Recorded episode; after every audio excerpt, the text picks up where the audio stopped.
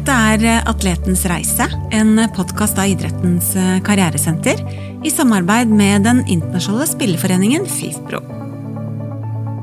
Så velkommen til oss, Frank. Ja, tusen takk. Jeg må innrømme at jeg har gleda meg veldig til å snakke med deg. Ja, i like måte. Ja. Kan ikke du eh, starte med å bare fortelle litt om bakgrunnen din? Eh, ja, Skal ikke bruke så lang tid på det, men jeg jobber nå jobber jeg på idrettshøyskolen. Eh, med coaching, eh, idrettspsykologi er jo hovedtemaene. Og så har jeg tidligere jobbet eh, ja, i overkant av ti år eh, på Olympiatoppen. med å forberede utøvere og lag til ulike mesterskap. Mm. vært i fem OL. Fire idretts-OL et kokke-OL, faktisk. Så har vært i fire paralympiske leker, jobbet med litt over 50 ulike landslag. Mm. Så jeg har vært heldig, føler jeg. Fått lov å møte mye dyktige og hyggelige mennesker. Og åpenbart veldig kompetent innenfor et område som veldig mange utøvere er, eller som er relevant for veldig mange utøvere. Um, du, du, har skrevet en doktorgrad sant, på motivasjon og, og uh, prestasjonsangst. Ja. Kan ikke du um, Hva er prestasjonsangst, egentlig? Hvordan jeg kan godt uh, fortelle litt om det. Det er jo kanskje det første man tenker på når man hører ordet idrettspsykologi. Mm. Så er det liksom det å håndtere nerver er kanskje det aller første folk tenker på. Ja. Og det er jo en viktig del av, av det å være idrettsutøver å håndtere det, egentlig på alle nivåer. Uh, så, så, det å Man skal ikke liksom overdrive betydningen av det som har med nerver å gjøre, men man definerer Det kan være greit å starte med det. Man sier ofte at stress er en opplevd ubalanse mellom et krav man har, på den siden, og så har man eh, noen ferdigheter til å møte det kravet. Hvis det er en ubalanse mellom krav og kapasiteten til å møte kravet, så kan man få prestasjonsangst. Mm. Og Særlig hvis det har noen uheldige konsekvenser. Så Jeg liker ofte å bruke et eksempel ja, ja. til å forklare det. Um, gitt, I en fotballkamp så spiller en, en av spillerne prøver på en gjennombruddspasning. Så blir det en feilpasning rett i beina på en motstander, og så får spilleren kanskje kjeft av treneren sin. Og Hvis vi ser liksom på det jeg nevnte om krav og kapasitet, så hører kanskje noen utøvere noe om forventningskravene i den klubben. At her er det jaggu ikke lov å gjøre feil, og det er et veldig tungt og vanskelig krav. Mm. Og Da kan det oppstå nerver. Man tenker kanskje at oi, hvis ikke jeg skjerper meg, så blir jeg bytta ut og får ikke spille igjen, f.eks. Så da er det konsekvensen. Andre spillere kan kanskje høre når de får kjeft for en feil de gjør, at oi, jeg er ganske dårlig. Så da snakker du egentlig ned ferdighetene og kompetansen sin. Mm. Og så får du det samme resultatet. Men dette er jo trenbart. Det er jo andre spillere som tenker hvorfor forventer treneren at jeg slår perfekte pasninger hele tiden? Jo, det er jo fordi at jeg er sinnssykt god. Mm. Og så er den der balansen gjenoppretta. Så, så, det er liksom det er ikke alltid det som skjer med oss, men også opplevelsen av det som skjer med oss. Hvordan de tolker de tingene som er rundt oss, hvordan de blir vurdert og osv. Ja. Eh, som er en del av det. Så, så det vi ofte jobber med i forhold til disse tingene, er jo det ene er jo på en måte å putte disse kravene litt i realistiske bokser. Eh, at de, at de kan håndteres, men også bli litt bevisst på, på styrken man har. Mm. Jeg har jobba med mye utenlandske utøvere, og jeg pleier å fleipe litt. Det er ikke egentlig min fleip. Vi hadde en uh, Willy Railo, het han, kjent for lenge siden. Han, han pleide å si at når en nordmann gir en annen nordmann et kompliment, så er det jaggu ikke lett å se hvem som har det verst. Mm. Og Grunnen til at jeg bruker det eksempelet, er at det liksom å bli litt bevisst og tørre ikke nødvendigvis å skryte av seg selv, men tørre å innrømme overfor seg selv at vet du, jeg har noen ferdigheter som gjør at det er jeg som får disse kravene. Mm. Det er også en måte, på en måte å prøve å balansere opp disse tingene. Så, ja. så, Det er en veldig forenkling det der med ubalanse mellom krav og kapasitet, men det er ofte et godt sted å starte. da.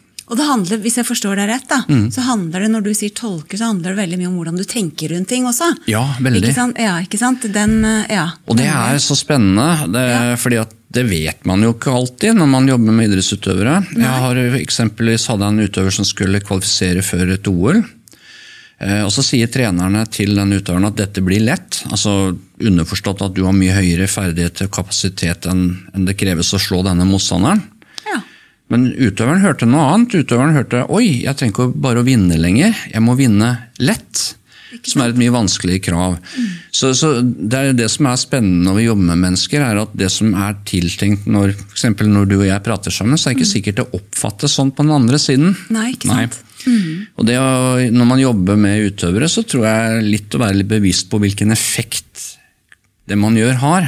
Nemlig. Er det kanskje det sentrale. Ja. Ja, ikke sant? Opplever du at mange utøvere også kanskje ikke er så klar over hvordan de tenker rundt Mm. sine egne ferdigheter og de kravene og det som er rundt seg? Absolutt. Um, og, det, og det er liksom å sette det litt i system, da. Ja, kan ja. være veldig viktig. Jeg tenker um, altså, Det er ikke bare jeg som sier det, men mange av kollegene sier altså Selvtillit er en ferskvare. Det er litt sånn som Formel 1-dekk. De varer noen runder, og så må du fornye dem. og det, det er liksom, Bli litt bevisst på det.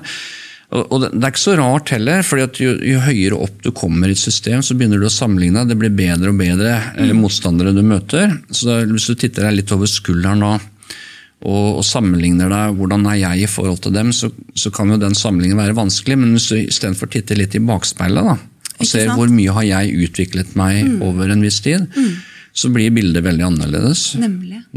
Så hvem du sammen... Ja, ikke sant? Den, den ser jeg. Men du, hva, hva tenker du om at eh, liksom, prestasjonsangst høres kanskje litt sånn negativt ut på en måte? da? Fordi jeg, jeg opplever sånn i samfunnet generelt, også innenfor idretten, at angst er liksom på en måte et veldig sånn negativt lada ord. da. Mens i utgangspunktet så skal vi jo være sjeleglad for at vi har et sånt program. for det har vel gjort at vi i det hele tatt har overlevd som rase, holdt jeg på å si. ikke sant? At du klarer å mobilisere når du skal i en konkurranse, eller, eller det står om livet. da. Helt enig. Ehm, opplever du også at, eh, at eh, utøvere har et litt sånn anstrengt eller negativt forhold til måte dette med prestasjonsangst og liksom angst sånn generelt? At det, for det er jo ikke utgangspunktet noe negativt. Nei, det er egentlig det er som du sier, det er jo egentlig laget eh, et fint system som er der for en grunn. Da. Eh, og uh, jeg pleier å sitere Kjetil André Aamodt, jeg vet ikke helt om det er han som sa det først, men han har i hvert fall sagt det at eh, altså, trygghet er ikke fravær av angst, det er å tåle det. Ja. Eh, og veldig ofte når jeg hører utøvere, så kan jeg spørre dem hvis du ikke hadde vært nervøs, hadde du savnet det? Så tenker de seg litt om. Så ja, det hadde jeg jo. Altså Det å mestre spenningen, det å kjenne liksom på nervøsiteten og lykkes etterpå, det er jo litt av, litt av det gamet man er interessert i å utvikle. Eh, og det er jo gjort studier også på toppidrettsutøvere som har en annen fortolkning. Litt sånn som Kjetil André Aamodt, på en måte. At man fortolker angsten sin som positivt for prestasjonen. Skjerpende, om du vil. Ja. Selv om det er ubehagelig. Ikke sant? Så, så ikke sant, Hvis den ikke er der, hva betyr det? da? Det betyr jo kanskje at du ikke bryr deg. Så, det er, så jeg, jeg liker å tenke litt på dette mer som en kokeplate enn en av og på-knapp. Hvis, Ja. hvis jeg kan bruke det bildet. Ja, hva mener du da? Jeg mener, altså, Du kan ikke være helt av. Da blir du det utøvere ofte kaller flat. Du har liksom ikke noe trøkk, det er ikke noe punch der, det er ikke noe aktivering. Det, er liksom, det skjer veldig lite. Men så har du liksom, når kokeplata er stopp på ti, så kan det koke over også. Så det å finne en en sone som passer for seg, er liksom egentlig litt det man er opptatt av. Ja? Eh, For de som er interessert i å lete mer, så, så finnes det noe som er individuelle soner. Optimal fungering er liksom et kjent uttrykk, da, Ja. hvor man ser at ulike utøvere har kall det litt sånn eh, optimal aktivering for seg. Noen presterer best når det er ganske lavt, Mm. altså ikke så veldig nervøs, da, for å bruke litt sånn folkelig uttrykk. Mhm. Mens andre presterer faktisk best når de er, hvis vi tenker fra null til ti. Ja. presterer kanskje best på nier, faktisk. Ja. Men så er det litt idrettsavhengig òg.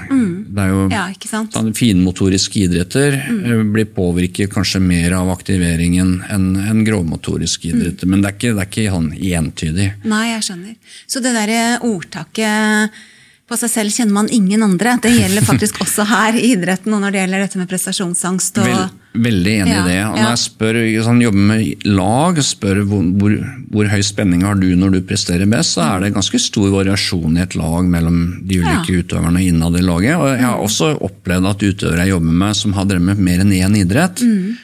foretrekker ulike spenningsnivåer i de ulike idrettene, faktisk. Ja, det ser jeg. Jeg har jo bakgrunn fra dans selv, og det er en veldig finmotorisk idrett. Ja. Og da, klart, hvis man blir for, eh, for aktivert der, så er det vanskelig på en måte å få den roen og få de bevegelsene. Mens, eh, ja, spennende. Du, du, har, jo, du har jo vært inne på det, men, men liksom for å håndtere prestasjonsangst, da, hva, hva, mm, hva er liksom Hva er de beste rådene dine? Det er jo et sånn typisk spørsmål som kanskje er litt vanskelig å svare på, men jeg stiller det Ja, likevel. men eh, jeg skal prøve så godt jeg kan.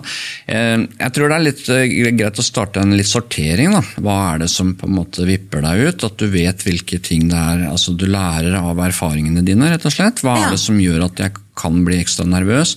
Det er jo ofte opplevelsene blir vurdert. Jeg kan jo ta et eksempel da, for å konkretisere det. Nå ble det mye lagidrett, hørte jeg, men jeg håper det er greit. Det men, men altså, la oss si det kommer en scout i fotball eller noen på tribunen, en landslagstrener plutselig som kommer og ser, ser på, og så føler du deg ekstra evaluert. Så, så hvis det er mye sånne ting som du blir nervøs av, det kan være foreldre, så kan man jo løse det egentlig på to måter, veldig forenkla. Det ene er jo å fjerne den kilden til stress, at de ikke får lov å være der. Og etter hvert som man blir bedre, er jo kanskje ikke det så realistisk. så Alternativet er jo å trene det vi kaller simuleringstrening. Å trene på å ha folk på tribunen som kommer og ser på, f.eks., sånn at du blir vant med det. Ja. Og det kan være andre typer kilder også. I håndball så, så Sven Tore Jacobsen var vel den første, tror jeg, men begynte å spille med høyttaleranlegg på tribunen for at man skulle være vant med publikumslyden, f.eks. Så, så, så det er liksom den ene biten. Så man kan liksom se på kravspekken. Da, så kan man egentlig det er to ting man kan tenke der. Det, kan, det er å fjerne unødvendige forstyrrelser, og det gjør man før et mesterskap. For eksempel I OL så er det vanlig at man lager en avtale med, med journalister om at, at eh, kontakt med utøvere skal foregå enten i mix zone, altså når de kommer ut fra arenaen, eller på offisielle pressekonferanser, mens andre kontakter skal gå gjennom en presseattaché. Og Det er for at utøverne ikke skal få tekstmeldinger og altså få forstyrrelser, om du vil, da, Ja, på feil tidspunkter. Det er jo den ene måten å gjøre det på, men den andre er jo rett og slett å trene på å leve med dem. Og det, det er jo liksom det andre alternativet. Og jeg tror det, det å trene seg i å mestre ulike ting som kan forstyrre, er ekstremt viktig. Um, jeg synes En av favorittene mine, det er um, jeg lurer på om det var en NRK-produksjon, men det var en av skiskytterne. Hvor de, det var jo en litt sånn morsom video, men det, hvor det var da Jeg vet ikke om jeg husker hvem det var. Det er, det er ikke så mange år siden, men, men da, var det liksom, da var det alt fra heavy metal-band til eh, altså alle mulige distraksjoner. Det er ting man ikke vil oppleve i en konkurranse. men men, men det liksom å bli utsatt for noen forstyrrelser også i treningssammenhengen, da, som kan på en måte sette deg ut litt, det Ja, gjør deg også bedre forberedt til et mesterskap. Ja, ja. Så rett og slett litt sånn eksponeringstrening. Det er Ja, sånn man driver når man driver med angstbehandling òg. Rett Det og er mye slett eksponering. eksponeringstrening. Og jobbe med tankene, så det ikke blir litt sånn krisemaksimering og katastrofetanker. Og du, Vi jobber jo veldig mye med utøvere med, med karriereplanlegging for det livet som kommer en dag, uansett hvor godt du lykkes med, med idrettskarrieren din, og med, med dette med å takle overgangen da, til, til livet videre. Og da, da opplever vi at en del utøvere har veldig sånn liten selvtillit på at de har noe å komme med eh, i, i livet videre. Og det kan være utøvere også som har tatt en god dose med utdanning, ikke sant? som sånn sett eh, har, eh, har også rigga seg på den måten. Men det, det du sier nå, med liksom det der å på en måte tåle det å stå i dette ubehaget og, og, og mestre det på en god måte Kanskje litt ledende spørsmål, men vil ikke du si at det er en utrolig nyttig ferdighet å ha med seg også i Jo. livet videre? Det er det. Og jeg Ja. tror kanskje det er en av de tingene man kan ta med seg fra idretten. Mm. Um, og vi, vi, noen ganger opplever jeg, det er kanskje litt min personlige mening, men jeg opplever at vi er litt sånn i dagliglivet så er vi så opptatt av å fjerne ubehageligheter hele tiden. At liksom skal seile gjennom livet uten at ting er vanskelig. Ja. Men de beste utøverne har hatt store vanskeligheter gjennom eh, ikke sant? Jeg nevnte Kjetil André Aamodt. De hadde ikke penger til å i starten til å trene når de bodde på hoteller, så de hadde med seg treningsutstyr i bilen de kjørte rundt i Europa med. Mm. jeg tror liksom det å oppleve vanskeligheter kan gjøre deg sterkere, men det er, det er liksom akkurat det du tar opp. Da. Det er lengde og mengde i forhold Ja. til belastning, tenker Ja, jeg. ikke sant? Så, ja. så hvis det blir for ekstremt, for mye på en gang altså Du skal være best på skolen, du skal være best på idretten, du skal være best kjæreste, best ditt, best datt. Så, så, så stiller? Da er den derre den der ubalansen mellom krav og kapasitet den er jo veldig opplagt. Så, så det liksom å finne en balanse hva du på en måte må prioritere en periode, tror jeg er viktig. Ja. Men det er også litt sånn da, i forhold til det jeg nevnte med denne ubalansen, er at hvis, hvis du er det du gjør altså Hvis jeg spør en utøver hvem er du, ja. så får jeg til svar jeg er toppidrettsutøver. Ja ja, men, men hvem er du? Og så får jeg et nytt svar at jeg er toppidrettsutøver. Så har jo den utøveren en, en litt annen inngang til mesterskap enn den som kanskje også har, står litt breiere i forhold til livet som helhet. Da. Kanskje er litt kjæreste, litt student. Altså, eh, så, fordi, altså det er litt sånn flåsete når man sier at altså det finnes to typer utøvere. De som har vært skadd, og de som ikke har vært skadd ennå. Så, det er litt det, Min opplevelse, det er ikke så mye forskning på det, men det kan være godt å ha en annen arena også, som på en måte er et anker i livet hvis det skulle være så heldig at du får en langtidsskade, eksempelvis. Da, Ikke sant? da gjør du det kanskje litt tryggere på hvem du er i den settingen også. Nemlig. Men du, nå sa du masse bra, så nå Ja. jeg bare Fordi du sa at det handler om liksom lengde og mengde ikke sant? i forhold til trøkket du utsetter deg for. Ja. Eh, og, og det mm, og da kan jeg liksom ikke møte meg sjøl i døra litt, da, men når vi jobber med utøvere ikke sant, som da går all in for å bli best mulig i idretten sin, og så kommer vi liksom skal dytte på det utdanning ikke sant, og arbeidserfaring, og det er ikke måte på hva de skal drive med ved siden av. Og det er jo kanskje mer totalt sett enn det andre ungdommer da, eller unge voksne driver med. Um, men så, så vi, vi jobber jo også mye med utøvere Å få det til å på en måte kanskje senke krava litt i forhold til hvor godt du skal prestere på skolen. Da, for eksempel, ikke sant? Eller også hvor mye du skal studere. For mange tenker at skal jeg studere, må jeg liksom ta en bachelor på tre år, men det er jo kanskje helt urealistisk for mange av disse her. Det, så, så, så det der å for oss da, liksom, å, å si at det er viktig å, å forberede seg til livet som kommer, men å, men å liksom, ikke gjøre det til et en, enda noe mer de skal levere og prestere. og eh, En, en arena da, hvor de skal liksom levere og prestere, sånn at totalmengden blir, blir for mye. Det er det jeg prøver å liksom si noe om nå. at eh, det, er et, det er en risiko også i det der å drive og gjøre noe ved siden av. Hva, hva tenker du rundt Jeg er veldig enig. Så Ja. Det er jo ofte en anbefaling f.eks. på Olympiatoppen at du bør gjøre noe ved siden av. Ja. Det er dere står jo også for det. Det Ja. tenker jeg er viktig, men er, du, er, du er veldig inne på det. Det er jo liksom noe med totaliteten i det. Mm. Ja. Og så er det litt avhengig av hvilken del av idrettskarrieren du er. Men, Ja. men, men en periode så hadde jeg 240 reisedager i året Ikke når jeg fulgte opp. Og jeg, det er utøvere som har et langt liv med så mye reisedøgn. Og da kan du jo ikke være på skolen like mye. altså Det er jo helt umulig.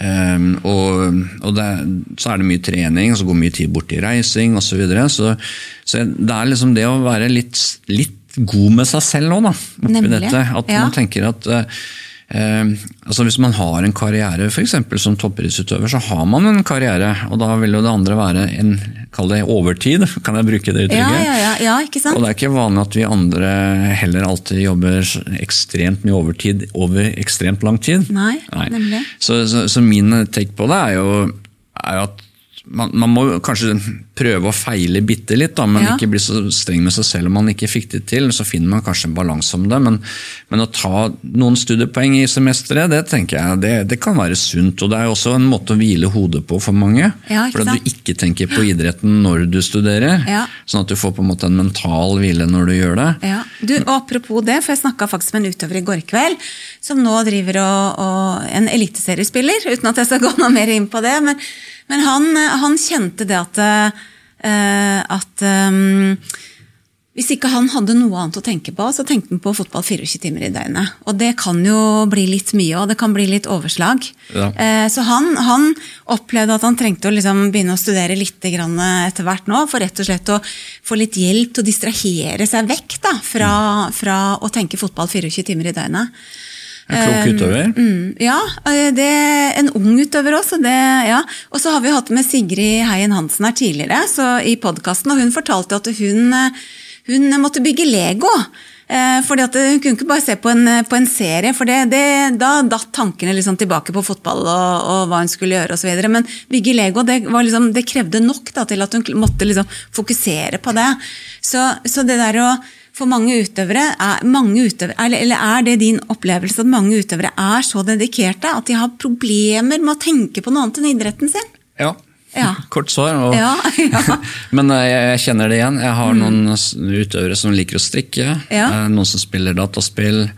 Ting som er litt sånn interaktive, som gjør at du rett og slett hviler hodet fra, fra å tenke på idretten. Mm. Og kanskje et av de, altså Man tenker 24-7-utøveren er ofte jeg er ikke så glad i det begrepet. For Det blir ofte misforstått at man skal tenke da på idretten 24-7. Setter jeg litt på spissen, men Mm. man skal tilrettelegge livet for å klare å være en heltidsutøver. Men det er ikke det samme som at du skal bruke 24 timer og døgnet og tenke på idretten din. Nei, nemlig. Så, så det, å, det å gjøre sånne ting som du nevner, det, det tror jeg er viktig. Og jeg tror også det er viktig å akseptere det for seg selv som utøver. At dette gjør jo meg bedre. At jeg faktisk hviler.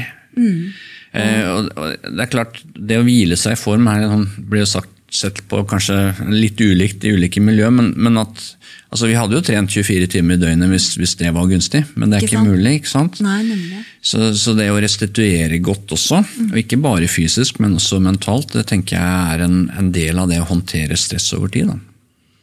Tenker du at du kan bruke, at du kan ta litt studier eller, eller noe annet? Da, at det kan være en form for restitusjon? Vi har for så vidt vært litt inne på det Ja, nå. Men. Mm. Så for noen utøvere, kanskje ikke for alle, Nei. men for noen utøvere så vil de jo f.eks. ta noen studiepoeng og, og gjøre litt Ja, andre også- ting være en, en god form for restitusjon. Helt enig. og så vet jeg at det også er litt ulike meninger om det jeg kommer til Ja. å si nå, men jeg tror, tror at man må venne seg til å være utøver med to streker under svaret gradvis. Ja. Det er noen som tar den overgangen øyeblikkelig. Men jeg kan jo, kan jo gi noen, jeg skal, kan ikke gi noen konkrete eksempler, det hadde vært urettferdig. Da. Men, men f.eks. du har en ung utøver som flytter et sted for å satse. La oss si at du, ender opp som, eh, på et akademi som fotballspiller som en 15-åring i Portugal eller Italia, eller tennisspiller i Spania, eller ja, hva som helst. Men i det øyeblikket alt blir tilrettelagt rundt deg for at du på en måte skal satse på idretten din Hvis du ikke får det til da, hvem er du da? For mange så kan det være et voldsomt krav, altså et veld, veldig høyt krav, om du vil. Eh, og så Jeg har opplevd noen av de utøverne også at når de lykkes, da, for de føler alt rundt dem er tilrettelagt, så de føler på en måte at det er noe som betales tilbake i form av resultater, eksempelvis. Eh, så det er, det er ikke alltid glede jeg har sett hos de utøverne når de får det til, det er mer en lettelse. Og det blir en veldig lang reise, da. Um, fordi altså, Vi tenker jo idrett skal være en glede òg. Det er mye lettere å håndtere stress hvis liksom, hovedinntrykket er at dette er morsomt, ikke, ikke en jobb for tidlig. Ikke sant? Så jeg tenker det at det å sosialiseres inn til liksom å være toppidrettsutøver med to streker under svaret For noen kan den overgangen selvfølgelig gå bra over natten, men jeg tror det er lurt å ha en gjennomtenkt tilnærming. da. Ja, ikke sant? Og da kan jo det å være litt student være viktig. Noen sant, slutter på videregående for å satse, da. Ja, den er. Klassisk uttrykk. Ja, mm. Ikke alltid det går helt bra. Nei, ikke sant? Nei. Og, det, og det, det bringer meg inn på en annen ting. Da, som, som, det er mange som mener at eh, idretten er en sånn profesjonaliseres veldig. Det har sikkert blitt det gjennom mange år nå. ikke sant? Og, og, og mange, liksom, mange utøvere som vi snakker med, de, de tenker at de må liksom gå all in og bare tenke på idretten for å lykkes. Og vise omgivelsene også at du satser. Jeg har jo snakket med utøvere som er ganske voksne, som har liksom kanskje lyst til å snuse litt på hva de driver med, f.eks. i klubben sin. og kanskje eh, håper å si, følge en som jobber i markedsavdelingen litt. Sant? Men så tør de ikke helt å spørre, for de er så redd for å sende signaler om at det liksom ikke er super, altså jeg er 100% dedikerte, eller 210 dedikerte. Mm. Så den, men den derre profesjonaliseringen, da, og at eh, kanskje utøvere nedi, liksom, langt ned i tenårene blir liksom slusa inn i en veldig sånn proff hverdag, hva, hva kan det gjøre? For utøvere er også som hele mennesker. Ja. Vi er jo ikke bare en utøver, selv om det er det vi ser når vi ser utøverne på TV-en og på Veldig, arenaen. veldig enig. Jeg, jeg tror, Hvis jeg kan bruke kort teoriforklaring på det. Ja. For Det finnes en stor motivasjonsteori, på en måte den største nå, oversatt til norsk som selvbestemmelsesteorien. Ja. Men den sier at for å være velfungerende og på en måte indre motivert for en aktivitet, så må tre grunnleggende psykiske behov være tilfredsstilt. Man sier litt sånn flosset på engelsk at 'motivation drives by car', så det er en huskeregel for de, men det er kompetens, eller kompetanse på, på norsk. da. Det er autonomi, eller selvstendighet. Da. Det er et annet ord for selvstendighet. Og så er det relatedness, som er tilhørighet. Så det er? Competence, autonomy, relatedness. Så blir det motivation drives by car. Og De tre behovene vet vi at når man har de tilfredsstilt i det man gjør, så er det større sannsynlighet for at man på en måte blir det vi kaller indre motivert i en aktivitet. Men også at man er mer velfungerende og opplever mer velvære. Og tilbake til spørsmålet, jeg tok en liten omvei, men, men jeg tenker det at veldig ofte når man satser, så ser man kanskje litt ensidig på den ene av de tre bokstavene. og Det er det som går på kompetanseutvikling. Ja, og så glemmer man de andre to litt. Ja. Eh? Man, nå bruker jeg akademieksempelet mitt. Man reiser til et sted hvor man får kanskje fantastisk gode trenere. Og så får man kanskje, kanskje også fantastisk god matching. Men så går man fra et miljø hvor man var en av de beste, til å komme inn i et miljø hvor det er ekstremt mange andre gode. Hva gjør det med kompetanseopplevelsen? Ikke Ikke sikkert at den får en kjempeboost, selv om man er i en utviklingsbit. Men kanskje de to andre er de som kan være mest utfordra. At man på en måte Jeg kan bruke meg selv som eksempel. Jeg fikk tilbud om en eh, kontrakt i fotball som 16-åring. Eh, og Da blei det for seriøst for meg. Det blei en jobb. Jeg følte på en måte at den autonomi- eller selvstendighetsbiten blei litt borte. altså Det blei noen andre som styrte hverdagen min, om du vil. da. Så den blei på en måte underminert litt. Og Når man også flytter til et annet miljø, så er man ikke bare kompiser, men man kan også være konkurrenter i samme miljø. Så det er ikke alle man kanskje trives like godt med.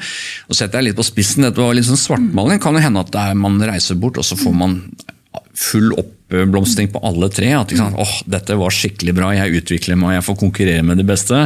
Jeg, dette elsker jeg, dette har jeg lyst til å holde på med, og man får gode venner. Men, men jeg tror tror når man planlegger da, for, for, det du kaller profesjonaliseringen, så, så, er mitt inntrykk at man ikke alltid har tenkt godt nok på de to siste behovene. Mm, at, at De som har starta den teorien, Deason Ryan, de sier at du kan ikke liksom fylle opp én og ikke ta vare på de andre to. Nei, nemlig. De, de, må være balanserte. Ja. Mm. Og det er liksom, I forhold til hvem som tar avgjørelsene også, så, så, vet man det. Det er jo et kjent eksempel da, på forskning om det, det er, man fant f.eks. med amerikanske fotballspillere. Når de fikk scholarship, så tenker man jo det er jo en voldsom anerkjennelse at man får en betalt utdanning. Men da har det vist seg at for mange av dem så synker motivasjonen for aktiviteten. Og det ligger litt i Carr. De går fra å være big fish in little pond, som man sier, til å være en little fish in big pond. Og så, så er det kanskje autokratisk trenergjerning, at det er treneren som styrer hverdagen din fra A til Å, så det er lite autonomibit. og så reiser du kanskje bort fra vennene dine. Mm. Så der synker for mange kanskje motivasjonen. Mens for brytere så, så øker motivasjonen når de får et scholarship. Fordi, og da er tanken kanskje at de er få. Så når du får den får den eh, scholarshipet, så er det en anerkjennelse for at du er ganske god. Så du oppleves på en annen måte. Du får kanskje muligheten til å satse for første gang sammen med andre gode. Mm. Tilrettelegge hverdagen for å satse på noe du liker med. Så er vi litt tilbake igjen til den opplevelsen. Da. Men det å tenke gjennom de tingene eh, tror jeg er, er viktig. Da. At man ikke tenker at det er skikkelig bra at du drar dit for å liksom utvikle kompetansen din. Har man da husket på de andre to i samme, samme slengen? Det er kjempeinteressant eh, det du sier der, Frank. Og, og når du nevnte Kjetil André, og når de gutta på 90-tallet, når de virkelig satte Norge på kartet i alpinverden, eh, så, så, sa du at de hadde ikke penger til eh, ikke Når de dro rundt, så måtte de ha med eget treningsutstyr. Tror du ikke også, liksom sånn, hvis du tenker ut ifra det med kompetanse, autonomi da, og tilhørighet, at de var et veldig sammensveisa lag, og at de på en måte også hadde satt, satt litt i førersetet, bokstavelig talt kanskje, ja. ikke sant? På, på, det, på, det, de drev med? Helt riktig. Eh, og, og det Emilie Hove, da, som var med oss i forrige uke, hun, hun var en del av den LSK-perioden på damesiden hvor de rula fullstendig i, i klubbfotballen i Norge. Mm. Og, og, hun fortalte også, De hadde jo lite penger, ikke sant? de ja. var utrolig sammensveisa gjeng. Um, og, og, og, de viste jo på banen hva de, hva de, kunne, eller hvilken kompetanse de hadde. Så er det sånn noen ganger også til denne profesjonaliseringen, og det er selvfølgelig flott at det kommer penger inn i idretten, det er jo ikke det vi snakker om, men, men at man blir så opptatt av den profesjonaliseringen og de pengene, at man på en måte glemmer det du sier, da, mm. med autonomi og det med tilhørighet. Vi er jo mm. sosiale flokkdyr. Vi er jo skapt for å tilhøre en del av, ja. være en del av flokken. Og... Jeg er helt enig, og jeg tror, mm. helt ærlig, vi har jo gjort noen studier på serievinnende norske idretter. Ja. Og noe av det som kjennetegner dem, er nettopp de tre tingene. De er ja. ekstremt utviklingsorienterte. Ja. Av, jeg kan ikke si hvem, da, men jeg vet hvem det er. Det er en av de mest meritterte trenerne vi har i Norge. Drøssevis av medaljer fra OL med utøverne sine og sier at jeg kunne ikke brydd meg mindre om utøveren blir nummer jeg husker ikke akkurat tallene, men 4, 10 eller 40. Liksom. Det viktigste for meg er at de utvikler seg. så Veldig utviklingsorientert på den kompetansebiten, mm. men også veldig støttende da, i forhold til at utøverne skal være med på avgjørelsen som foretas. altså En viss grad av autonomi i den biten, og også at man bygger et miljø, et litt selvgående miljø, faktisk, i forhold til at det blir selvforsterkende når man har etablert en sånn kultur. Mm. Og jeg, jeg samme vil jeg jo si om de to håndballandslagene våre. Så har det vært en, en, på en, måte en, en idé som er veldig altså Hvordan de driver lederskapet sitt da, som, som, i idrett. Veldig i tråd med egentlig disse verdiene. Og det, det er kanskje, Man sier jo ofte at 'motivation drives by car'. Man, du nevner det med førersetet. Det er jo også lov å sitte i passasjersetet, men det er viktig at den som kjører bilen, tar deg med på en reise du vil ha. Ja, ikke sant? Ja, Ja, ikke du blir kjørt et sted du ikke vil, det, da, det er ikke lov engang. Så, ikke sant? så, så jeg tror, tror liksom ehm, det å tenke litt igjennom det jeg tror jeg kanskje er en av styrkene til norsk idrett. Det har, det har vært mye diskusjoner hvorfor vi tar så mye medaljer. Da. Men jeg tror vi er litt nærmere de tingene der i verdisettet i norsk idrett Mm. enn en del konkurrerende land er. Så Ja. ærlig skal jeg være. Vi har forsket litt på det, kommer til å gjøre mer studier på det. Og så er det selvfølgelig mye som kan bli bedre i norsk idrett, men jeg tror vi er litt nærmere i forhold til ledermodellen vår på autonomi. da. Ja, det er utrolig interessant eh, at du sier, og, og, det, og den, det du snakker om nå, da, og, og tenker du at dette også, eller det kanskje vi kan bidra med, det er å øke bevisstheten hos utøveren også. Veldig. ikke sant? Sånn at det er selvfølgelig, Du må jo være kompetent hvis du skal være med. Og, Ellers blir du selektert bort. Ellers så blir du, ikke sant? Da får du ikke være med. Men at eh, det med autonomi og det med tilhørighet også er en viktig bit av det. Og kanskje liksom balanse, som du sier, da, Ja. mellom de de tingene, at Det handler ikke bare om å bli best mulig. Nei, ja, Eh, jeg tror dere gjør noe riktig. Man, et bra liv. Hele livet, står det Ja, der. Mm. ja. Og det er jo helheten, holismen i det. Og det tenker jeg er litt av den biten der også. Og det, liksom, det er mye av det vi gjør i idrett som vi kan ta med oss tilbake til andre deler av livet. Vi har jo vært inne på det her, håndtere press. Så når du skal på et jobbintervju eller du skal ha en eksamen, eller hva det måtte være, så er jo det også en, en form for evaluering. Du kan kjenne på de samme tingene, men hvis du på en måte har blitt litt vant med hvordan du reagerer og vet at det det er ubehagelig, men det er en del av gamet. Det, dette fikser jeg. Så, så er jo det viktig læring å ha med seg. Det å være en lagspiller, f.eks. Altså, også individuell idrett er, er verdier du kan ha med deg inn i et yrkeskarriere senere. Så, jeg, så jeg, jeg tror på en måte at øh, man skal ikke det er, det er viktig å hele tiden tenke kompetanse og utvikling. Jeg støtter det 100 da, men jeg tror kanskje at man også skal huske på de to siste bokstavene litt. Da. Mm. Og en annen ting jeg kom på nå, det var når vi hadde Emilie her, så snakka hun om at eh, når, når vi spurte hva, liksom, hva de største tingene hun hadde opplevd så langt i karrieren, og hun er jo faktisk den eh, mestvinnende norske kvinnelige fotballspilleren, ikke sant? Så sier hun at det er de opplevelsene med liksom, lagvenninnene, da, og det fellesskapet og, den, eh, og det de har. Eh, så det er jo egentlig bare en påminner om hvor viktig det er. Og liksom, at Ja. man trives også i det miljøet. og Det betyr jo ikke at man ikke kan ha si, konkurranse fra de andre og kjempe om eh, en Nei, plass i startoppstillingen osv. Men, men liksom det at du er måte, at du trives i det, det miljøet du er en del av. Og så kan man underbygge hverandre. Jeg tror det gir en ekstra ringvirkning. Nå jeg nevnt en del med håndball, da, men de, Marit Breivik innførte team i teamet. Ja. Og det er, det er at eh, Til enhver tid så er det kanskje tre nå bruker jeg keeperne som eksempel, det er to, to eller tre keepere som kanskje blir tatt ut til, til landslagssamlinger eller turneringer. Men kanskje det teamet består av fem av de beste keeperne man har. Og De har da i oppgave å trene på ting hjemme i klubb, men også følge hverandre opp. De fem. Sånn at man på en måte Uansett da, så, så, så stiller Norge med veldig sterke kort i mesterskapet. De har også et sosialt team. Jeg tror de kaller det vaffelteam. Så de har jo virkelig tatt den R-en på alvor. da. Mm. Så, så det å det er liksom å tenke litt hvordan kan man ivareta ulike elementer i en prestasjonsgruppe. Det, det, jeg er helt enig med Emilie. Jeg tror altså Resultatene man har, medaljen er fin, den. Det er godt å komme hjem med edelt metall, men jeg tror det er det den representerer. Det som er på en måte minnene, den, altså jobben som er lagt ned og liksom det som ligger bak. Det er jo det som gjør den verdifull. Ikke sant? Ja. Og de opplevelsene Ja. og alt det ja. mm. Hvis ikke så hadde vi gått i butikken og kjøpt en medalje, satt litt på spissen. Ja, Men den betyr så uendelig mye mer, for man vet hva som har vært på en måte prioriteringene og, og reisen. Men Frank, det var én ting jeg også hadde, hadde lyst til å liksom høre litt mer om nå i forhold til dette med prestasjonsangst. Det, det sies jo at, eh, at de unge liksom, som vokser opp i dag, eh, de betegnes ofte som liksom, generasjon prestasjon.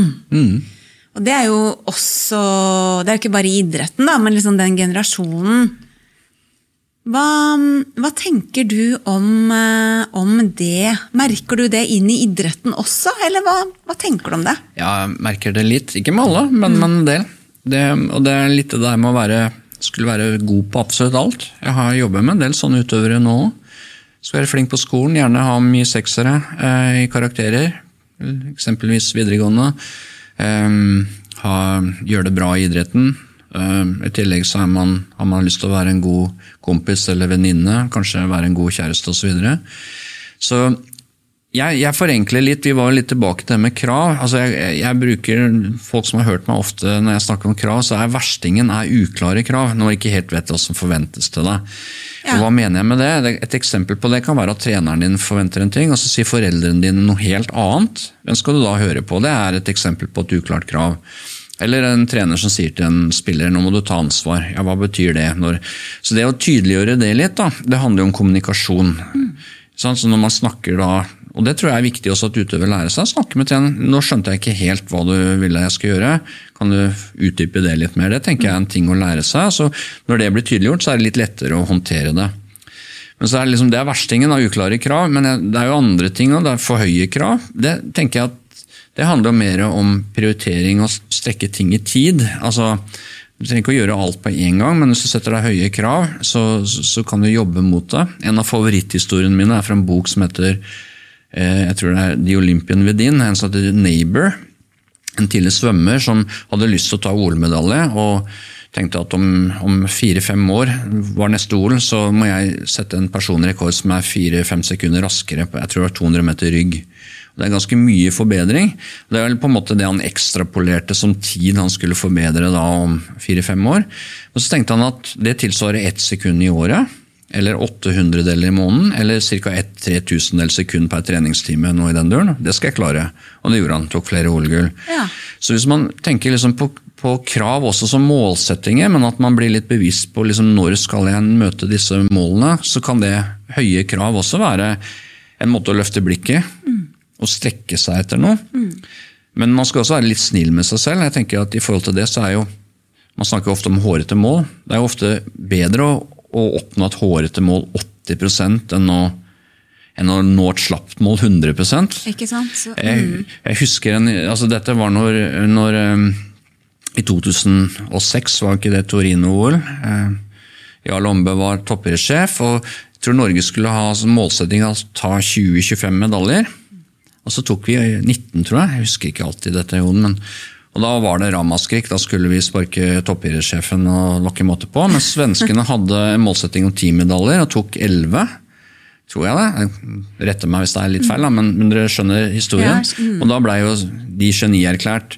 Og jeg tenker Vi nådde jo ganske mye av målsettingen i prosent, som var hårete mål, mens de overoppfylte et litt lavere mål. så var det.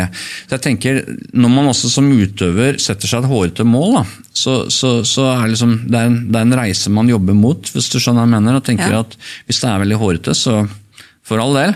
Men, men, det er bedre da kanskje å også tenke at uh, jo, jeg var modig, jeg gikk for det, hvis du skjønner hva jeg mener. Nemlig, For det er jo noe mange utøvere er. De er skikkelig modige også. Ja, rett og slett. Og ja. det er jo en eh, god egenskap i mange sammenhenger, det. Ja. Å tørre å å tørre, ikke sant? Ja. Mm. Å satse. Ja. Uh, mm. Men det, det, du sa nå med liksom, det å avklare liksom kravene, mm. få liksom tydelige krav, det, mm. det, er antagelig noe som mange utøvere kanskje kan eh, bli litt mer bevisst, da, uten at ja. jeg selvfølgelig sitter, eh, vet akkurat hvordan alle utøvere har det. Men, men kanskje mange, som du sier, det der å tørre å spørre treneren, og det å mm. også få det liksom tydelig at både foreldrene sine krav og trenere at, at, at ting, ting, blir liksom tydeliggjort. da, ja. Ikke minst kanskje for en selv også, på et ja. Spesielt for en selv, tenker jeg. Så en Sorteringsjobb, rett og slett. Rett og slett så jeg har nevnt uklare krav og høye krav, men jeg tenker mange krav er liksom litt, da er vi også litt inne på det, at du skal være best på så mange arenaer. Mm. Jeg har hatt noen, jeg, jeg syns det er modige utøvere som har sagt veldig ærlig at jeg skal ta en bachelor og jeg skal bruke lengre tid på det. Og jeg trenger ikke et kjempehøyt snitt, for har jeg, jeg, har ikke tid til å studere så mye. For jeg satser mest på idretten. tenker jeg at Det er, det er tydelige prioriteringer. og og, og, og, klare mål, men man kommer også fint igjennom en god bachelorgrad da, på litt lengre tid, kanskje. Med helt ålreite karakterer. Ja. Eh, så, så det, det, å tørre på en måte å prioritere det er litt sånn Når alt blir viktig, så er det ingenting som er viktig lenger. Nei, nemlig. Mm. Så det der å klare å, å differensiere også, tenke at dette skal, jeg være, mm. dette skal jeg bli så god jeg kan på, skikkelig og liksom gå all in for det, mm. og så senke krava litt på andre arenaer. Ja. Eh, det, mm, det er nok en kunst for mange, tenker du ikke det? Hvis man først er en litt sånn prestasjons... eh, Veldig. Om ikke jager, da, så en som, som stiller høye krav og forventninger til seg selv, så er det vanskelig å differensiere og tenke at ok, her senker jeg krava, Ja. mens her går jeg all in. Ja, det tenker jeg er lurt. Og så tenker jeg også det at man tør å, i hodet sitt på en måte å være litt tro mot planen man legger. da. Ja, ja. Jeg kan gi et par eksempler på det. Jeg kom hjem etter ikke dette Beijing-OL, det sommer-OL. Da hadde jeg en utøver som, som spurte hvordan har det gått, som ikke var med i det OL-et. Så, så svarer utøveren at nei, det har ikke gått så bra i høst, jeg har vært litt tung og treg i kroppen. Så jeg har det skjedd noe? Ja, jeg har driver med tung styrketrening, og det er en del av planleggingen min, så når jeg slipper opp så blir dette helt fantastisk. Så mm, utøveren turte på en måte å ha en periode hvor ikke resultatene altså Vi kaller det periodisering. ikke sant? At eh, Det var ikke nå man skulle toppe, toppe pallen, det var eh, senere i løpet av sesongen.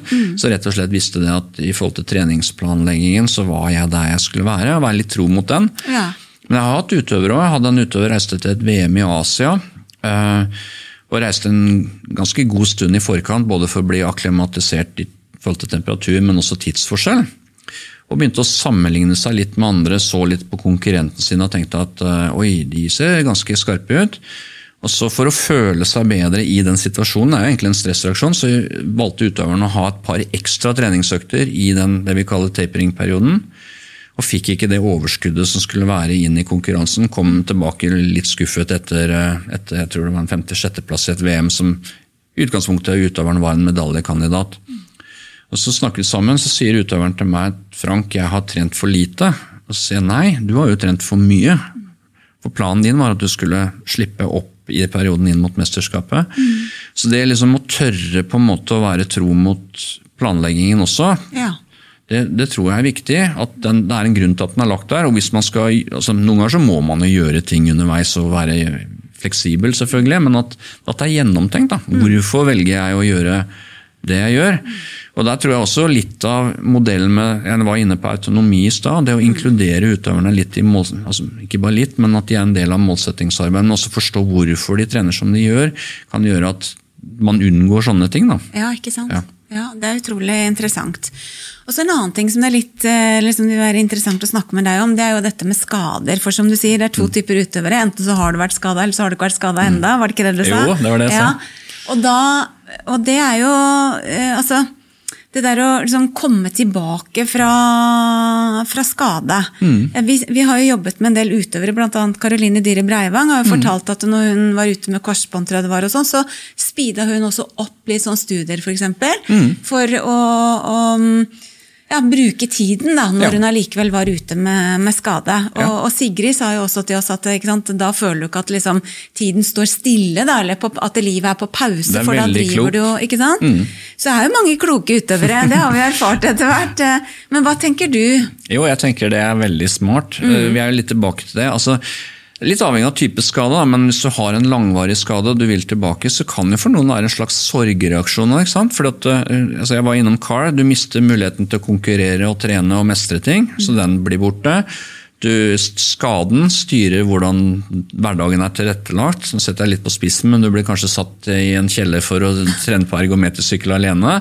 Så nå, nå var jeg veldig Kanskje litt fossete, men du mister både autonomien og tilhørigheten også. Så det å, det å ha et annet miljø man kan være en del av, eller til og med kanskje få lov å være med laget sitt litt også under skaderehabiliteringen, tror jeg er ekstremt viktig. Men det også ha noe annet å tenke på, sånn at man ikke grubler seg i hjel hele tiden på dette. Ikke sant? Og jeg tror, jeg har- har et tips da, som ikke det er gjort så mye forskning på, men det er noen som spekulerer i det. Det å ha en mentor. Håndball er jo f.eks. kneskader veldig vanlig, dessverre. Ja. Men hvis du, hvis du har et lag, du har da en mentor som har vært gjennom den samme type skade tidligere, som følger deg opp litt ekstra. da. Ja, ikke sant? Eh, Da har du den tilhørighetsbiten, og så har du på en måte en rollemodell som har slitt seg litt gjennom det samme. Så kan Ja, det også være en en ålreit greie som jeg tror man kanskje kan bruke mer i idretten. da. Ja, det, hører, det gir jo mening. Det høres jo veldig smart ut. Men apropos det, eh, det med denne CAR-modellen som vi stadig har kommet litt sånn tilbake til nå, som er, som, som er veldig, veldig fin, da. Ehm, overgangen til livet videre etter idretten. Da kan du jo plutselig stå der og kanskje føle at du ikke har noe kompetanse i det hele tatt. Du aner ikke hva det livet egentlig Nei. kanskje skal være, og hvordan det er der ute. Og, og autonomi og tilhørigheten kanskje bare forsvinner plutselig. Ja, plutselig så ringer ikke journalistene like ofte lenger og blir stille i røret. Og, ja. ja, ikke noe adrenalin og ikke noe publikum. Altså det, er, det er mange ting som blir borte på en gang. Det er det. Hva er din, hva er din erfaring med å liksom takle den overgangen på en mest mulig hensiktsmessig måte? Vi anbefaler måte? at den er godt planlagt. da. Det er Godt det første. planlagt, ikke sant? At ikke den skjer. Og det er jo litt sånn altså, At man har tenkt gjennom det. At ikke det, man reiser fra f.eks. et stort mesterskap, og så var det siste gang man så, så folk, og så har man på en måte ikke tatt det på, ordentlig på alvor. da. Så jeg tror også når man avslutter så team, så skal man ha en eh, en, ja, bruke litt tid på, på en måte å takke for denne reisen. At man Ja. gjør det, at man markerer det på en litt hyggelig måte for alle involverte. Det tror jeg er viktig. At ikke det bare liksom Vi setter oss på fly hjem til Norge, og når jeg er hjemme i Norge, så ses vi ikke mer. Jeg tror, jeg tror det å kanskje gjøre, ha en evaluering, gjøre noe sosialt sammen, liksom runde av ordentlig, tror jeg er en, i hvert fall en anbefaling jeg vil gi. Um. Men også, også det at man planlegger hvordan man skal eh, på en måte avrunde en karriere. At ikke det blir et hull der, et vakuum. Mm. Og det tror jeg det kan være lurt å få litt eh, hjelp til. Det kan jo være gjennom dere, dere er gode på det, men, eh, men hvis man studerer, så kan det jo være ålreit å snakke med studierådgiver. At, at jeg tenker å øke produksjonen av studiepoeng når, når jeg runder av, eksempelvis. Eller bruke, være flink å bruke nettverket sitt underveis i, når man når man eh, er utøver, til å, til å få muligheter for jobb senere. At man Ja, har liksom, Dette kunne jeg tenkt meg å holde på med, at man Ja. liksom sonderer det litt. Ja, jeg er litt, bare litt nysgjerrig, Litt rett og slett, og bygge ja. nettverk. ikke sant? Og kanskje få lov å prøve seg ut på litt forskjellige ting også. Ja. Og så er det jo norsk idrett, der står det jo ganske tydelig klar, forklart f.eks. For i ungdomsretningslinjene at hvis utøvere ønsker å ta en trenerutdanning eller dommerutdanning underveis i idrettskarrieren sin, så, så skal det tilrettelegges for at de kan få til det. Mm. Og det er, jo, det er jo en god start, da.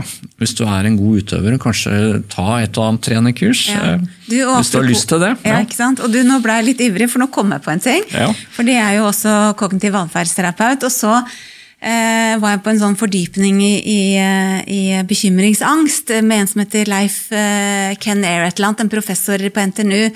Og vet du hva han sa til oss underveis eh, på den fordypningen? Han sa at det, det mest lærerike kurset han noen gang hadde vært på, det var trenerutdanningen til NIF. Oi, Og han er professor i personlighetspsykologi. Så gøy. Eh, og, det, det, og det sa han flere ganger. Jeg tror han var noen sånn kampsporttrener av noe slag. Ja, Ja. så hyggelig. Så, og det, det, så det der er jo et godt tips, eh, rett og slett. Eh, Men det du sa nå, da, ikke sant? for å takle overgangen, godt planlagt, Mm. sa du. Du sa det å bruke tid. Eh, Og det å på en måte også avslutte eller runde av, og Mm. ikke liksom bare haste videre hele tiden. Da. Tenke at det var det, liksom, nå bare løper jeg videre. Ja. Men å liksom bruke tid på å takke av, og på en måte, ja, rett og slett bruke litt tid. da. Jeg tror det er veldig viktig. Og Ja. det er jo tilbake til litt sånn sorgreaksjon. ikke sant? Man, det kan være det. Man forlater noe man, som har vært en enormt viktig del av livet veldig lenge. Og det involverer jo ikke bare det man gjør, men også hvem man gjør det med. Nemlig. Og de blir borte. ikke sant? Så det, det å bygge opp og tenke igjennom litt hvordan har jeg en liten fallskjerm, da, om du vil, i den andre enden, tror jeg er viktig. Særlig når man begynner liksom å merke, merke at man kanskje er litt mett som utøver. Det kommer ikke for alle. Noen har lyst til å holde på eh, til, til det ikke går lenger, og det er jo helt greit. Men jeg tenker det at noen blir også litt mett av dage av et, et sånt liv. Da. Det, jeg mener mye trening, mye reiser osv. Mm. Så, så men i planlegge det. Det er anbefalingen. Og Vi har snakket mye om det, kollegene, kollegene mine i, som driver med idrettspsykologi, og med utøvere. at vi, vi, vi burde egentlig ha en prat med absolutt alle, også når de, når de legger opp. Men, men ressursene følger ofte aktive utøvere. Ja, ikke sant? Ja, det gir jo på en måte litt mening. Ehm, mm. Men du, godt planlagt, så da kommer vi jo ikke unna det at det er noen utøvere som må gi seg eh, av skade, som liksom kan komme nærmest som et sånn slags traume, ikke sant? Ja. I, i hva, hva mm, Hva Hva gjør man da? Mm. Ja. Jeg har, eh, det, er, det er ofte ekstremt da, da blir det på en måte en bråstopp på veldig mange av disse tingene. og Ja. Det er jo ikke planlagt at det skjer. Eh, Det er jo en av grunnene til at vi kanskje anbefaler at de underveis også tenker tar litt studiepoeng og de tingene, så de ikke begynner helt på scratch hvis det skulle hende. da. Så det, det å ha et nettverk rundt seg som ikke bare er idrettsrelatert, det en, jeg vil si det er en forebyggende faktor. Jeg Ja. tenker Det er lurt for at man ikke skal gå helt i kjelleren når det, hvis det inntreffer. da. Og så tror jeg det er eh, fint å innrømme for seg selv at kanskje jeg trenger hjelp til å bearbeide dette. Ja. For det er jo en av de tingene som er litt Det er ikke så mange yrker det. Hvis vi kaller idrett å være idrettsutøver, er yrker hvor det kan på en måte skje så plutselig. Nei, nemlig. Eh, sant? Vi, i, I Norge så, så har vi et ganske godt regulert arbeidsliv. så Det å få sparken, det, det skal ganske mye til at du mister jobben sånn over natten. Men, men det kan jo skje i idrett. Mm. Og særlig noen idretter som innebærer en del kontakt, er jo kanskje det litt mer Ja. aktuelt å tenke gjennom. da. Så, så Jeg blir ofte spurt av dette, skal man tenke mye på det? Jeg tror jeg ikke, for at jeg tror hvis man går og bekymrer seg mye for det, så kan det også være en form for stress ikke sant, som er unødvendig. Men jeg tror man kan, det kan være lurt å ha en liten, liten plan. da. Mm. Og det å kanskje begynne litt underveis, da, forberede Ja. seg, bygge nettverk, som du sier. Eh, ha et, også et nettverk utafor idretten. Ja. Eh, at det er noen ting du kan gjøre Ja. eh, uten at du hele tiden skal gå og være stressa for det. Kan, Ja. Det kan jo nesten kanskje øke sannsynligheten for å bli skada. Helt enig. Ja. Og så tenker jeg kanskje idretten også kan tenke over det at hvis det skjer, da, så, så tror jeg som sier jeg profesjonell idrett, da, arbeidsgiver eller et landslag, at man ivaretar den utøveren i den, i den situasjonen. Da. tenker jeg. Ikke, ikke bare fordi ikke vedkommende kan prestere lenger, at det blir stille i røret, men at man faktisk eh, viser at man bryr seg om mennesket. Og det, sånn, kan jo sette det litt på spissen, det jeg sier nå, men jeg tror også det påvirker de andre utøverne positivt. Fordi at man ser at man bryr seg om mennesket. Mm, ikke sant? Ja, ikke at det- bare, bare den du- prestasjonen. Ja, Mm. nemlig. Ja. Så det gir en annen ekstra ringvirkning også, tror jeg. Men du, det har vært utrolig spennende å prate med deg. Eh, norsk idrett er jo heldig som har eh, en mann som deg, og, og all den kompetansen som tross alt er i det norske idrettssystemet. Og Frank, du har jo faktisk eh, kommet ut med en, en ny bok, da, prestasjonspsykologi. Ja. Den, eh, hva er det den, eh, hvis du skulle bare si korte trekk, hva er det den handler om? Nei, veldig korte trekk. Jeg pleier ofte å si at det er fire store temaer som går igjen. Og vi har jo vært innom to av dem mye i dag. Det ene er gå på stress og prestasjonsangst. Nerver, rett og slett. Så er motivasjon. I tillegg så omhandler den litt grann om eh, fokus og konsentrasjon, og litt om eh, relasjoner i i idrett. Og så er det litt mentale treningstips helt til slutt. Høres ut som en spennende bok. Den har jeg jo faktisk lyst til å lese sjøl òg. Ja. Så tusen takk. Ja, selv takk. Det har vært veldig hyggelig.